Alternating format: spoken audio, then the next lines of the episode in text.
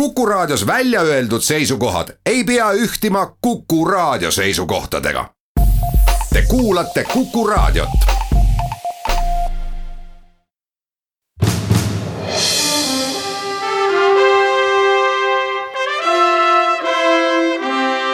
vahetund Postimehega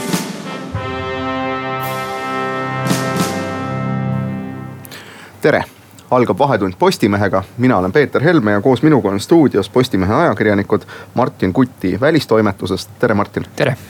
ja Karl-Edvard Salumäe Arvamustoimetusest. tere hakkame täna rääkima välispoliitikast, sest midagi ei ole teha, teemad on aktuaalsed. ei ole küll ühtegi märki sellest, et maailmas kuidagi vaiksemaks ja rahulikumaks jääks. ning nendest asjadest kirjutab ka tänane Postimees üsna põhjalikult. võib-olla alustamegi arvamusküljest, nimelt kirjutab siin Tunne Kelam teemal, kas USA-d saab usaldada nõnda ta küsibki. ja tema jõuab üsna, võiks öelda lihtsalt ja lobedalt oma artiklis välja selleni, et probleemi pole, saab küll. aga ma arvan, et see ongi selline hea, iseenesest väga suur ja palju väga vastandlikke vastuseid pakkuda võiv küsimus, kuid, kuid sellest võiks siiski alustada, et mis nüüd Martin ja Karl-Edvard, teie selline esimene tunne on, et kas see küsimus äkki üldse ise on liiga sirgjooneline? Ma arvan, et see küsimus on vägagi õigustatud praegu Süürias äh, toimuva valguses ja, ja vastus sellele mina ütleksin, et jah, USA-d saab usaldada, aga Trumpi ei saa usaldada, et see on näha olnud, kuidas Trumpi välispoliitika on olnud väga hüplik, ta ei tea isegi, mida ta täpselt teeb. Et, äh, et ma usun, et USA-s on tegelikult väga pädevad ametnikud ja väga paljud kõrged sõjaväelased, äh, ka poliitikud, kes on, on kongressis, et nemad teavad väga hästi, tunnevad teemat, aga aga kuna presidendil on küllaltki palju mõjuvõimu, siis, äh, siis on tal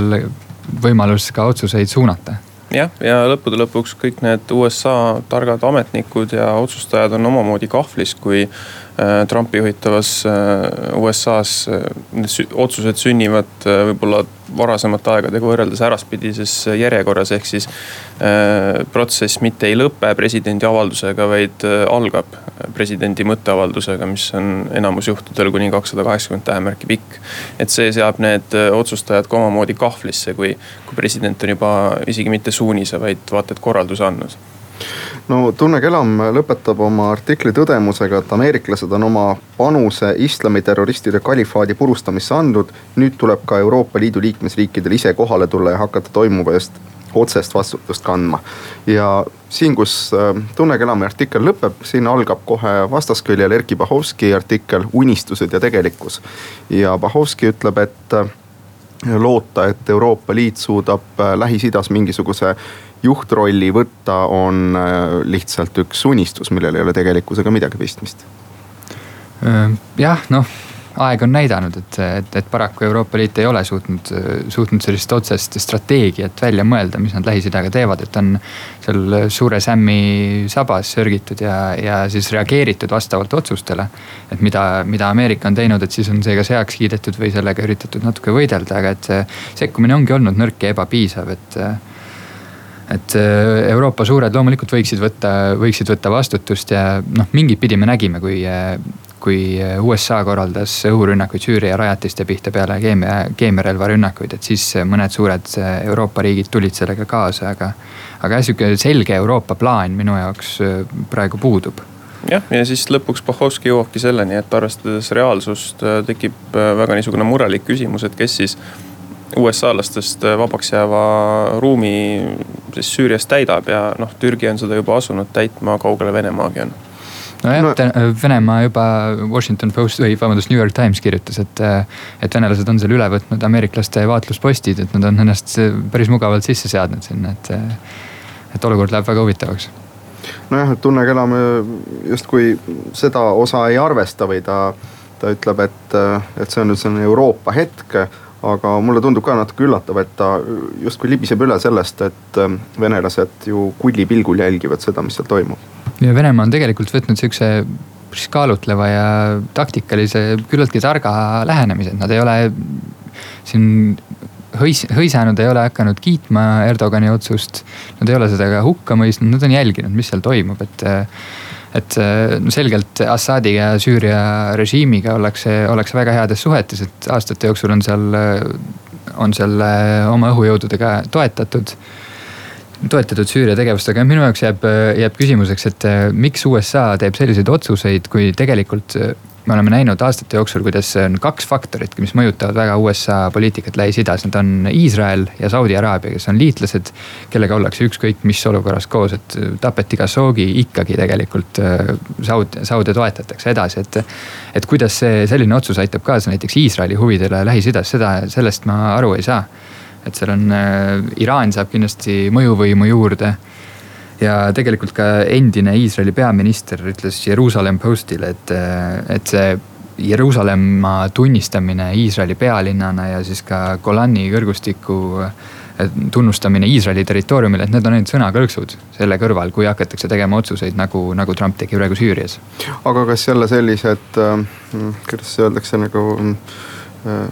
sõjakamad juudid ei või hoopis tõlgendada seda nii, et Trump jätab neile need vabamad käed? Võimalik, väga võimalik, et ma ei tea, ei oska ka juutide pea sisse niimoodi vaadata. no see läheb muidugi jah, juba meie teemast üsna kaugele, aga see põhiküsimus, mis ju tõesti ilmselt iga Eesti lugejat huvitab, ongi, ongi see selline mõtteline sild, mis tuuakse nüüd Lähis-Idast Eestisse. et kui Ameerika Ühendriigid käitusid seal nii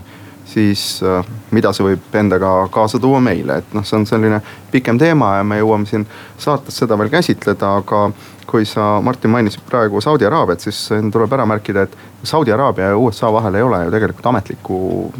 sõjalise liidu lepingut. nojah, aga ometi on, on ameeriklased viinud oma vägesid juurde Saudi Araabiasse ja The Atlantic minu teada eel, eile avaldatud artiklis rääkis ka sellest, kuidas Trumpi Lähis-Ida poliitika on tegelikult pettus, et äh, ta räägib, et me toome oma sõdurid äh, koju tagasi, me tuleme välja sealt, äh, et miks me sõdime sõda kuskil seitse tuhat miili oma rannikust eemal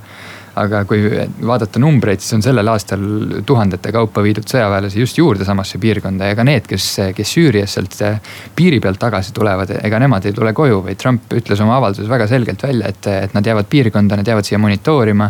vaadata, kas et, et takistada võimalikku ISISe uut tõusu ja et, et need sõdurid ei tule sealt kuskile ära, et see on tegelikult sihuke natukene petlik. Aga kas see ei räägi pigem sellest, et Ameerika Ühendriikidel on mitu erinevat välispoliitikat, üks on, mida teeb Valge Maja ja teine, mida teevad erinevad ministrid ja ministeeriumid? jah, kahtlemata, et ma arvan, et see on äh, ekspertide hinnang on üks ja, ja presidendi hinnang on teine, et see on väga selge, et, et eksperdid kahtlemata saavad aru olukorrast ja on ka hoiatatud, et, et mäletatavasti, kui Trump hakkas esimest korda rääkima sellest Süüriast vägede väljatoomise jutust, et see, ka see juhtus pärast telefonivestlust Erdoganiga.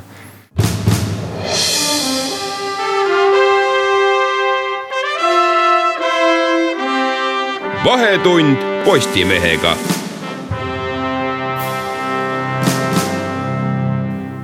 jätkub Vahetund Postimehega, mina olen Peeter Helme ja koos minuga on stuudios Postimehe ajakirjanikud Martin Kuti ja Karl-Edward Salumäe ning äh, räägime Ameerikast ja praegu Lähis-Idas toimuvast. ja lähtusime oma loos, oma jutus äh, tänases Postimehes äh, ilmunud arvamusloost mille on kirjutanud Isamaa auesimees Tunne Kelam ja tema küsib, kas USA-d saab usaldada ning tegelikult jõuab siis üsna ruttu järeldusele, et saab ikka küll ja katsusime nüüd veidi kaardistada siis seda, et mis, mis on toimumas, milliseid aspekte tuleks arvesse võtta ja. ja võib-olla siin peakski siis nüüd natukene peatuma sellel Kelami lool. et ta esitab siin mõned, mõned väited, mis noh, mulle tunduvad küll natuke vaieldavad, näiteks ta ütleb seda. et kui me räägime nüüd Äh, Lähis-Ida olukorras, siis äh, kurdid ei ole riik ja selle tõttu Ameerika ei saa nendega olla liitlassuhetes ja, ja selle tõttu ei saa ka rääkida siin just reetmisest. et kuna tegu on mingi sellise amorfse seltskonnaga, kellest võib-olla mõned sõdisid ameeriklastega koos, mõned mitte. et äh, kuidas sellesse väitesse suhtuda, sest ma ise veel enne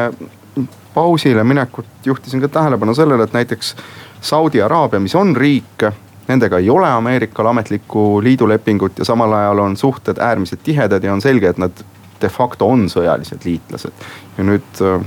kurdidega ka ei ole nagu lepingut. ja siis öeldakse, et noh, siis ei olegi mingit liitlassuhet, et kuidas sellest siis aru saada? no räägime, et äh, esimene märk nendest liitlassuhetest on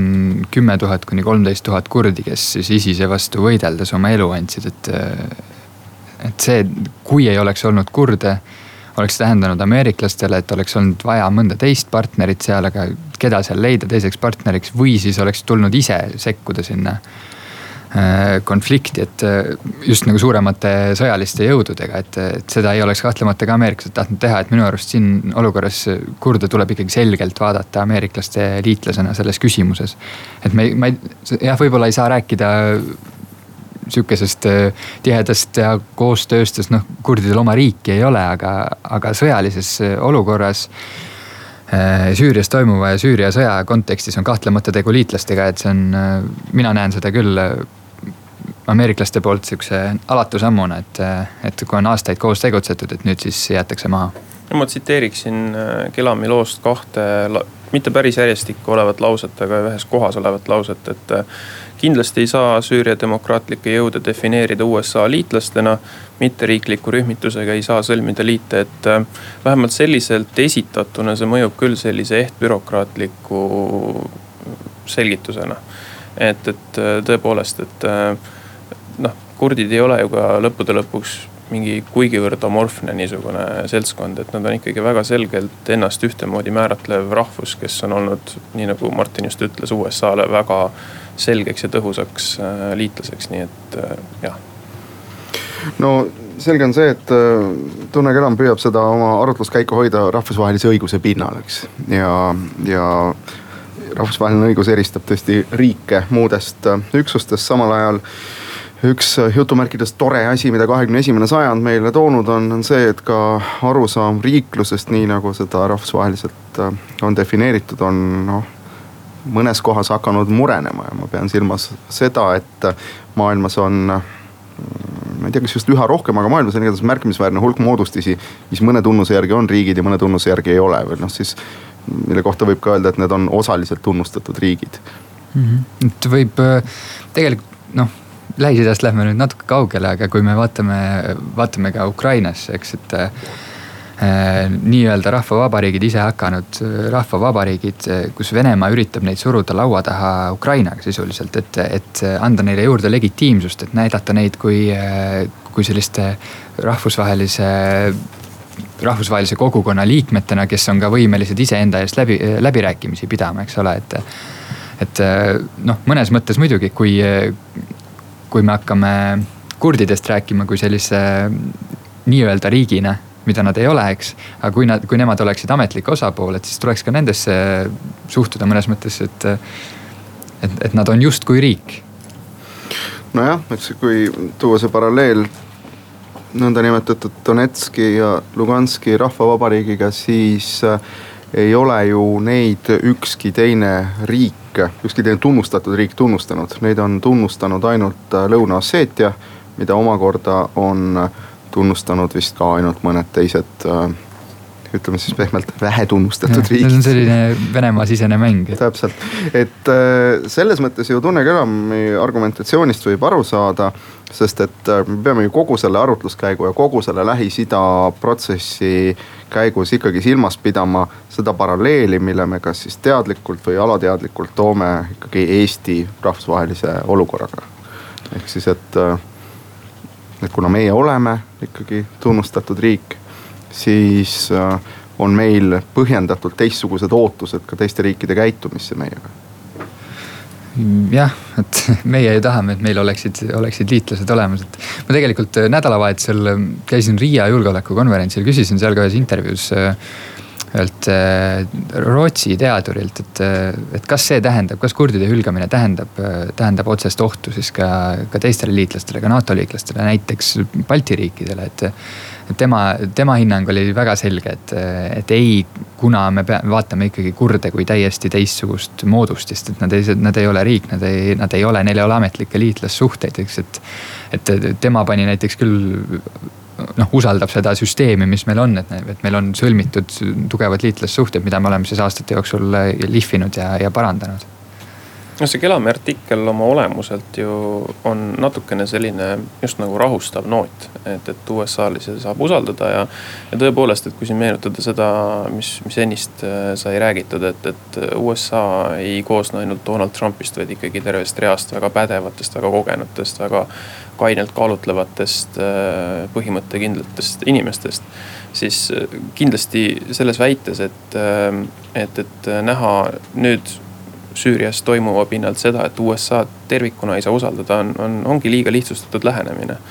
nii et, et, et äh, selles valguses kindlasti sellel Kelami lool on ka selliseid äh, äh, põhimõttelisi seisukohti, millega on nagu väga raske vaielda. ja kui nüüd mõelda nende samade ametnike või ka kõrgete sõjaväelaste peale, kes tegelikult on aastakümneid äh, teemaga tutvunud, kõiki protsesse seal jälginud, et natuke hakkab kahju et, et kuidas tuleb ennast äh, ümber häälestada siis vastavalt presidendi tujudele, et nad tõenäoliselt teavad isegi väga hästi, et. et see, mida tehakse, on vale. et, et nad on ju, analüüsid on tehtud, see strateegia on, on paika pandud ja on aru saadud, et, et näiteks Süüriast äratulek ei ole õige otsus, kuna see tekitab väga palju võimalikke ohukohti seal juurde, et kõige suurema ohuna siis ISIS, et et äh, kahtlemata neist on natukene kahju, et nad peavad, äh, peavad äh, koostööd sellisel moel tegema. no aga siin võib ju küsida, noh nii, seda küsimust võib tõlgendada nii väga konkreetselt kui ka siis filosoofiliselt, et kui palju üldse on emotsioonidele välispoliitikas ruumi et ühest küljest, kui me räägime ju väärtuspõhisest välispoliitikast, siis see ongi ju emotsionaalne välispoliitika. teisest küljest, kui me vaatame olukorda meie ümber, noh siis tundub, et äh, me peame just hästi kaalutlevad olema, me ei, me ei tohi lasta emotsioonidel ennast kanda. jah, noh, ma ütleksin, et praegusel Twitteri ajastul, kus tegelikult äh, kõikvõimalikud riigijuhid on Twitteris ja edastavad oma, oma eesmärke seal, et äh, oleneb siis kes kuidas, et kas selle töö teeb ära mingi keegi pressiinimene, kes siis väga hoolikalt sõnastatud tähemärgid sinna Äh, toksib või siis äh, ilma filtrita president, nagu me näeme Ameerika puhul, et see. see on see vahe, et, et, et kahtlemata, kui sul on võimalik väga kiiresti edastada oma sõnum, paisata see tervele maailmale laiali, siis see, see tõstab seda emotsionaalsust äh, poliitikas rohkem no väikese sellise eelreklaamina homsele Postimehele luban endale juhtida tähelepanu ühele mõttele, mida väljendab homses lehes Sven Sakkov, Rahvusvaheliste Kaitseuuringute Keskuse direktor, kes, kes kirjutab ka Donald Trumpist ja ta juhib tähelepanu ühele sellele asjale, lihtsale asjale, mille, mida me kipume võib-olla sageli unustama. ja nimelt siis oma, oma pädevuse pealt ütleb ta, et pehmelt väljendudes ei tea president Trump välispoliitikast suurt midagi. ja kuna ta sellest suurt midagi ei tea, siis ei oska ta ka anda sellele seda kaalu, mille tema ütlused võivad Ameerika sisepoliitilises debatis saada, nii et. et need asjad on selles mõttes ikka väga ebameeldivalt omavahel seotud. jah noh, selle jaoks ongi tegelikult ju otsustajatel on olemas nõunikud, kes aitavad neid otsuseid kujundada, kellel on kogemus varasema praktikaga kõik ja nii edasi, et. et Trump jätaks oluliselt targema mulje endast ja oma välispoliitilistest teadmistest, kui ta suudaks äh, kuulata ka kedagi teist, et. Äh, no see on vist tark soovitus meile kõigile, aga meie kuulame nüüd kaubanduslikke teadaandeid ja uudiseid.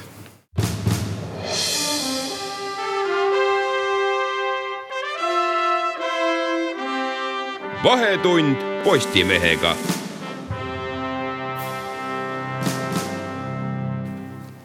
jätkub Vahetund Postimehega, mina olen Peeter Helme ja koos minuga on stuudios Martin Kuti Postimehe välistoimetusest ja Karl-Edward Salumäe arvamustoimetusest. oleme rääkinud Ameerika välispoliitikast, selle usaldusväärsusest ja muidugi taustaks on praegu Lähis-Idas toimuv. ja meie väliskülgedel ongi pikalt juttu sellest, kuidas nüüd äh, Euroopa Liit on otsustanud äh, piirata relvaeksporti Türgiga ja kuidas äh, ka Donald Trump kes küll oma käitumisega justkui vallandas Türgi invasiooni Põhja-Süüriasse, kehtestas Türgile sanktsioonid. ja, ja enne juba oli pikemalt juttu arvamuskülgedest, kus Tunne Kelam kirjutab äh, sellest, kui usaldusväärne partner on USA ning Erkki Bahovski sellest, et on naiivne loota, nagu Euroopa Liit suudaks Lähis-Idas mingi juhtiva rolli võtta ja see pilt on äärmiselt segane ja selles mõttes ma loodan, et raadiokuulajad andestavad meile, kui ka meie enda jutt on veidi hüplik olnud, sest siin tuleb tõesti korraga silmas pidada väga mitut aspekti. ja just äh, vahepeal uudiste ajal tõdesime, et, et üks aspekt, millest tuleb rääkida, on see, et kuigi äh, on iseenesest äh, lihtne tõdeda, et loomulikult Ameerika Ühendriigid jätsid oma liitlased kurdid hätta siis äh, teisest küljest on ka selge, et Tunne Kelam päriselt ei eksi, kui ta ütleb, et, et mis liitlased on kurdid, kui nad, äh, nad ei moodusta oma riiki ja ühest küljest de facto nad tõesti on liitlased, nagu Martin enne ka rääkis. aga samas on siin ikkagi ka mitu probleemi, millega tuleb arvestada. ja üks nendest ongi siis see, mida ju Türgi mõnuga ära kasutab, ta ütleb, et äh, Süüria kurdid on tihedalt seotud kurdi töölisparteiga, mille on Türgi ise ja vist on ka Ameerika Ühendriigid ja teisedki riigid terroriorganisatsiooniks kuulutanud. ja, ja tõepoolest, kui me siin eestlastena toome paralleeli, et väik-, vaesed väiksed Türgi, vaesed väiksed kurdid, kes türklaste vastu sõdivad, siis kui ajaloos tagasi minna, siis äh, kurdi tööpartei oli ka üks KGB rahastatud äh, projekte selleks, et äh, läänt, siis täpsemalt NATO liiget Türgit destabiliseerida. jah, et lühike kokkuvõte ongi, et, et Süüria demokraatlike jõudude selle organisatsiooni tunnistamine liitlasena ongi problemaatiline, sellepärast et noh, siin jällegi tulen selle Tunne Kelami loo juurde tagasi, kui ta märgib siin seda, et, et CIA omaaegne direktor Daniel Coates on määratlenud siis selle STJ-i tuumikuna äh, rahva omakaitseüksusi ja ka siis sedasama kurdi töölisparteid. et äh, lõppude lõpuks ameeriklased, kui nüüd kristalselt aus olla, võtsid nad endale punti, et ISISe vastu võidelda lihtsalt paremate variantide puudumisel. ja, ja nüüd me olemegi sellises olukorras, kus ISIS on, on just nagu noh, ma ei teagi, mis see õige kujund peaks olema, võib-olla, et põranda alla löödud. et ta on jätkuvalt kuskil olemas, aga sellises sumbuurses olekus. ja, ja, ja kuidas nüüd siis selle STJ-i ja, ja kurdidega üldisemalt neid suhteid nagu hoida, millena neid määratleda, noh, ongi keeruline mm. -hmm. võib-olla liitlassuhete kõrval siin tasuks äkki rääkida ka sellest stabiilsusest, mida, et ameeriklastel tegelikult see vähe kontingent, kes seal Põhja-Süürias ja piirilähedasel kurdide aladel oli. see ei olnud sugugi mitte suur, see ei olnud äh, sedavõrd suur ohverdus, et ta ei võiks seal äh, edasi olla Äh, aga see oli, need viiskümmend või sada eriväelast, kes seal olid, need olidki ju äh, selleks puhvriks, mis kurde kaitses ja mis tegelikult hoidis ka stabiilsust selles piirkonnas pärast äh, noh, niivõrd-kuivõrd stabiilsust muidugi, et pärast, pärast ISISe põranda alla löömist, et see on väga oluline aspekt, et. et just selle üldise stabiilsuse mõttes, kui jätta see liitlassuhted, et kas see on eetiline ja nii edasi kõrvale, et, et, et, et üldise stabiilsuse mõttes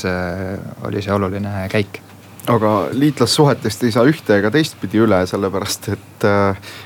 hea küll, me oleme siin nüüd tükk aega vaielnud ja arutlenud selle üle, kui liitlased need kurdid ikka on, siis samal ajal on selge, et Türgi on NATO liige, ta on Ameerika Ühendriikide ja, ja seega ka Eesti liitlane. Ja ja see on selles mõttes väga huvitav olukord, mis on arenenud, et justkui ka sellises üldises ajakirjanduses levivas retoorikas kipub justkui meelest ära minema, et Türgi, Türgi on meie liitlane. et selle, selle kohta siin veel viitaksin homsesse lehte tulevale Sven Sakkovi loole, kus ta juhibki tähelepanu sellele, et Türgi on loomulikult meie liitlane, aga ta on alati olnud selline liitlane, kes on lähtunud väga kitsastest isiklikest huvidest ja ei ole ka pöördeid oma välis- või kaitsepoliitikas kippunud enne nende läbiviimist teistele selgitama ja noh, iga päev toob meile midagi uut siin, et just see, et, et, et me ei ole tegelikult harjunud sellega, et üks NATO liitlane. hea küll, jätame siin võib-olla ameeriklased kõrvale, aga ülejäänud NATO liitlastest, et keegi hakkaks niimoodi üksinda hullama ja kuskile oma, oma isiklikke eesmärke täitma minema sõjalise no, jõuga. see ei ole tõsi, noh Prantsusmaa on seda kogu aeg teinud ja see ei ole mitte kedagi häirinud. no kas, kas ta nüüd niimoodi on läinud päris hullama ja, ja tõesti oma eesmärke täitma või ta on läinud piirkonda rahustama, et see on sihuke kaks eri asja. kui sa nimetad riigipöördeid Aafrikas rahustamiseks no,, siis jah. küll jah ja küll, aga kui rääkida just nagu hilisemast äh, sekkumisest. ei no tõsi on muidugi see jah, et keegi ei ole seda nii laia joonega, nii avalikult ja nii keerulises ja ebamugavas olukorras just teiste liitlaste jaoks teinud. jah, et sellepärast teda ongi natukene, natuke keeruline defineerida ja, ja vaadata, et mida, et, et kuidas sellesse Türgi sammu suhtuda üldse, et et noh, oleme näinud praegu, et see hukkamõist on tulnud, et, et see ei ole õige, ka ameeriklased tegelikult äh, piirasid äh, ütlesid, et, et seda sekkumist tuleb hoida mõistuse piirides, inimlikkuse piirides, et. et seda praegu on, praeguste kahtluste kohaselt Türgi ei ole seda suutnud, et ma isegi hiljuti nägin siin videot, mis väidetavalt on tõele vastav video, kus Türgi poolt toetatud siis Süüria mässulised hukkasid seal kurdi tsiviilisikuid maantee peal, et et see tõenäoliselt mängib ka oma rolli, kui, kui sellised äh, videoklipid ja, ja tõendid äh, välja tulevad no ja see kõik ikkagi jõuab üht või teistpidi meie koduõuele, noh siis diplomaatilises mõttes juba kasvõi selle kaudu, et täna hommikul võisime kõik lugeda, et ka meie enda välisminister Urmas Reinsalu pidas vajalikuks Türgi kolleegiga suhelda ja selgitada talle Eesti positsioone. siis tänasest lehest võime lugeda seda, et äh, relvaembargo, see ekspordiembargo Türgile mõjutab vahetult meie põhjanaabrit Soomet ja noh, Soome on iseenesest üsnagi järjest viimastel aastatel kasvatanud oma relvaekspordi Türki kahe tuhande kaheksateistkümnendal aastal ulatus see seitsmeteistkümne miljoni euroni, mis ei ole nüüd teab kui suur summa, aga selge on see, et ettevõtted, kes nüüd löögi alla satuvad, peavad midagi teistmoodi tegema või vähem tegema. Jah, no ütleme, et äh, Soome jaoks see seitseteist miljonit, noh, ta ei ole ka, ei ole ka väga pisike summa, et, et ta ikkagi on, on märkimisväärne, et. aga jah, selle üldise relva, ütleme relvamüügi, see ei saa seda nimetada päris keeluks, aga, aga väga tugev soovitus, et, et palun ärge müüge et, et selle mõju nüüd Türgile, et see on noh, tõenäoliselt tuleb äh, sihuke pikema vinnaga otsus, et ta, et ta tuleb välja aastate pärast et praeguses olukorras, kas see on piisav äh, või mitte, et see on jällegi sihuke küsitav koht, et äh, nagu siin ka üks diplomaat äh, ütles et, et suudeti kolm pool või neli tundi kestnud kohtumise järel siis kokku leppida selles, et mõistetakse hukka äh, Türgi käitumine, et, et kas see on piisav kas Euroopa Liit teeb piisavalt äh, selle konflikti lahendamiseks, et see on jällegi nagu teine küsimus. julgen väita, et äh, Türgi valitsusringkondades hingatakse kergendatult, et kindlasti olid seal erinevad stsenaariumid juhtunud ja, ja nad tõdesid, et, et juhtub see kõige tõenäolisem, ehk siis Euroopa Liit ei tee suurt midagi. jah, et selle peale ilmselt Erdogan ka ka panustas, et just Trumpi isolatsioonipoliitika ja, ja Euroopa argus või sihuke tegevusetus ja, ja paistab praegu vähemalt, et, et, et ta läks, et sai täkkesse selle, selle panusega. nojah, eks siin ongi ju see olukord, et ühest küljest on Euroopa Liidul suured majanduslikud võimalused, väga tugevad hoovad, et Türgit mõjutada. aga teisest küljest on ju selge ka see, et Türgi saaks omakorda mõjutada Euroopa Liitu sellega, et äh, vallandatakse pagulaste vood ja nüüd on küsimus, et kumb siis, äh, kumb siis on tõsiseltvõetavam argument, et kas türklaste jaoks hirm äh, majandussurutise ees või Euroopa jaoks hirm pagulaste ees? no mulle tundub, et pigem see, pigem meie hirm pagulaste ees, et see kolm koma kuus miljonit äh, Süüria pagulast, kes, kes Türgis on, et see on väga suur arv ja. ja kui me vaatame tegelikult, kui äh, kabuhirmus on väga paljud Euroopa riigid äh, pagulaste ees, et siis noh, ma usun, et, et Türgil on siin need äh, trumpkaart on nende käes, et noh. meie saame jah majanduslikult teda mõjutada, aga sama saab teha ka Ameerika, kes siis äh, Trumpi otsusega tõsteti näiteks terase impordi tariifid äh, poole võrra kõrgemaks, et seda on ka varem tehtud. see mõjutas, kui see oli Ameerika pastoriga seotud juhtum, kui, kui Trump otsustas samasuguse sanktsiooniga lajatada ja see mõjutas väga tõsiselt Türgi majandust tol hetkel, aga, aga paistab, et see ei mõju piisavalt, et, et türklased midagi kardaksid, et, et jätkatakse ja tegelikult see on selline kõrgete panuste mäng Erdoganile, et, et vägagi palju on, sõltub sellest, et mida ta arvab, kuidas reageerib üks või teine osapool, et noh, siiamaani paistab, et ta on, et ta on nüüd õigesti ennustanud. teeme veel väikese pausi.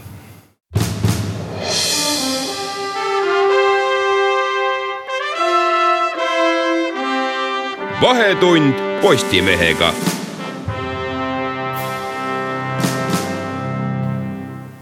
jätkub Vahetund Postimehega, mina olen Peeter Helme, koos minuga on stuudios ajakirjanikud Martin Kuti ja Karl-Edward Salumäe ning oleme oma saatega jõudnud lõpuossa ja aeg oleks teha natuke kokkuvõtteid ja vaadata siis, kuidas kogu see Ameerika välispoliitiline, võib vast öelda selline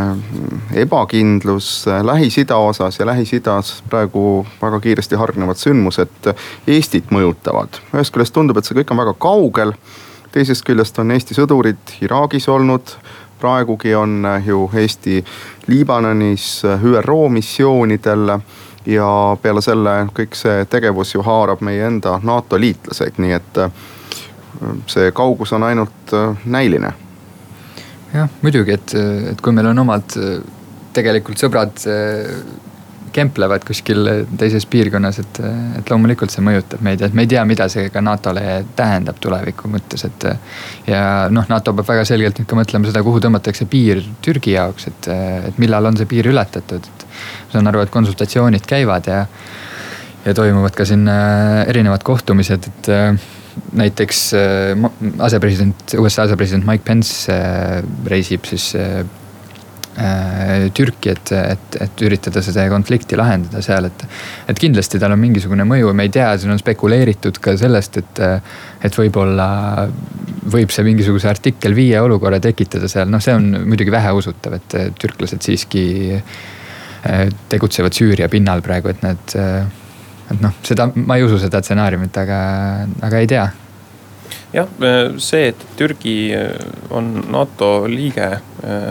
on tõesti niisugune möödapääsmatu fakt ja tõik, millel on omad niisugused seosed ja järelmid, et. Äh, tõepoolest, eriti siit Eestist vaadatuna Türgi NATO liitlasena võib tunduda meie jaoks ühtpidi kauge samas, äh, mis puudutab rahvusvahelisi suhteid, siis seda võiks võrrelda näiteks pangandusega, kus eksisteerivad sellised asjad nagu isetäituvad unistused. ja kui ühel hetkel NATO sees äh, hakkavad valitsema arvamused ja meeleolud, et kõik on väga hästi, kõik, vabandust, kõik on väga halvasti, kõik on väga habras. lagunemas, siis inimesed seda uskuma jäädes reageerivad vastavalt ja, ja siis ka noh, sellised murenemised, lõhenemised, sügavad probleemid tekivad, et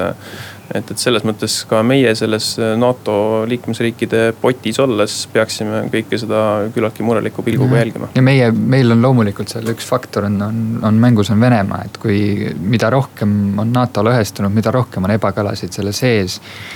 seda suurem on see võit Venemaale, sest nemad ju noh, põhimõtteliselt toituvad, toituvad NATO ebakõladest ja, ja probleemidest NATO-s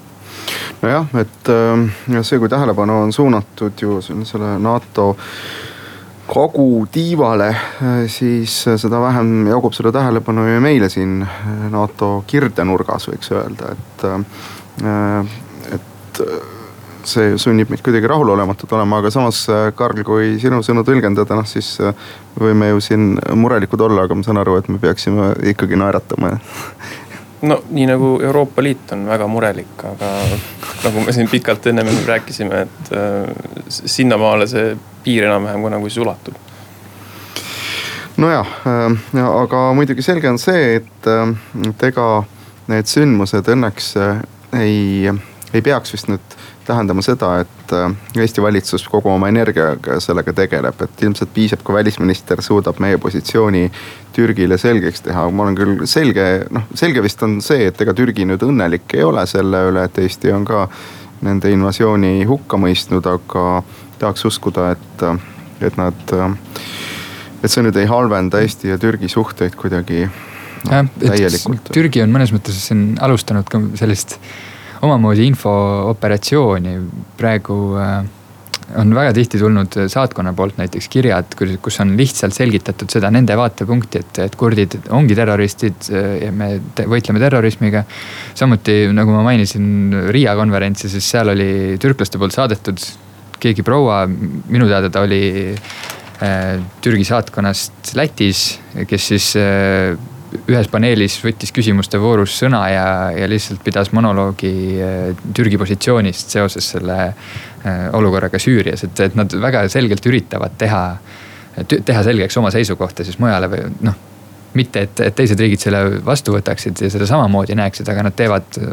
väga selgeid jõupingutusi selleks. no see on täiesti selge, eks iga riik tahab oma positsiooni rahvusvahelisel areenil ju arusaadavaks teha ja selge on see, et türklaste jaoks selline omamoodi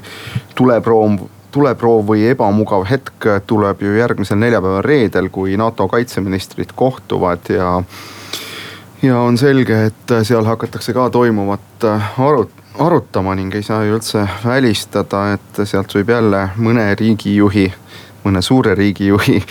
ootamata käitumise tulemusena mingeid üllatusi tulla. jah, elame, elame-näeme, vaatame, mis sealt, mis sealt selgub jah, eks ta nii ole, et äh, välispoliitilised sündmused arenevad tõesti suure hooga, nagu enne sai siin tähelepanu juhitud, on tänase Postimehe arvamusküljed suuresti pühendatud sellele teemale ja samuti ka välisküljed ning äh, ka homsest lehest on võimalik nende teemade kohta lisa lugeda. Ja nagu ma olen vaadanud ka siin saate ajal uudiseid, et tõesti Süürias sündmused arenevad üsna kiiresti, nii et kõik uudistehuvilised siis jälgige toimuvat. ja mine tea, et äh, iga kord, kui ma siin küll saadet juhin, ütlen, et äh, oleme eetris nädala pärast juba uute teemadega, aga ei saa üldse välistada, et oleme nädala pärast eetris uute arengute, aga samade teemadega. igatahes aitäh kuulamast Vahetundi Postimehega, mina olen Peeter Helme, kuulmiseni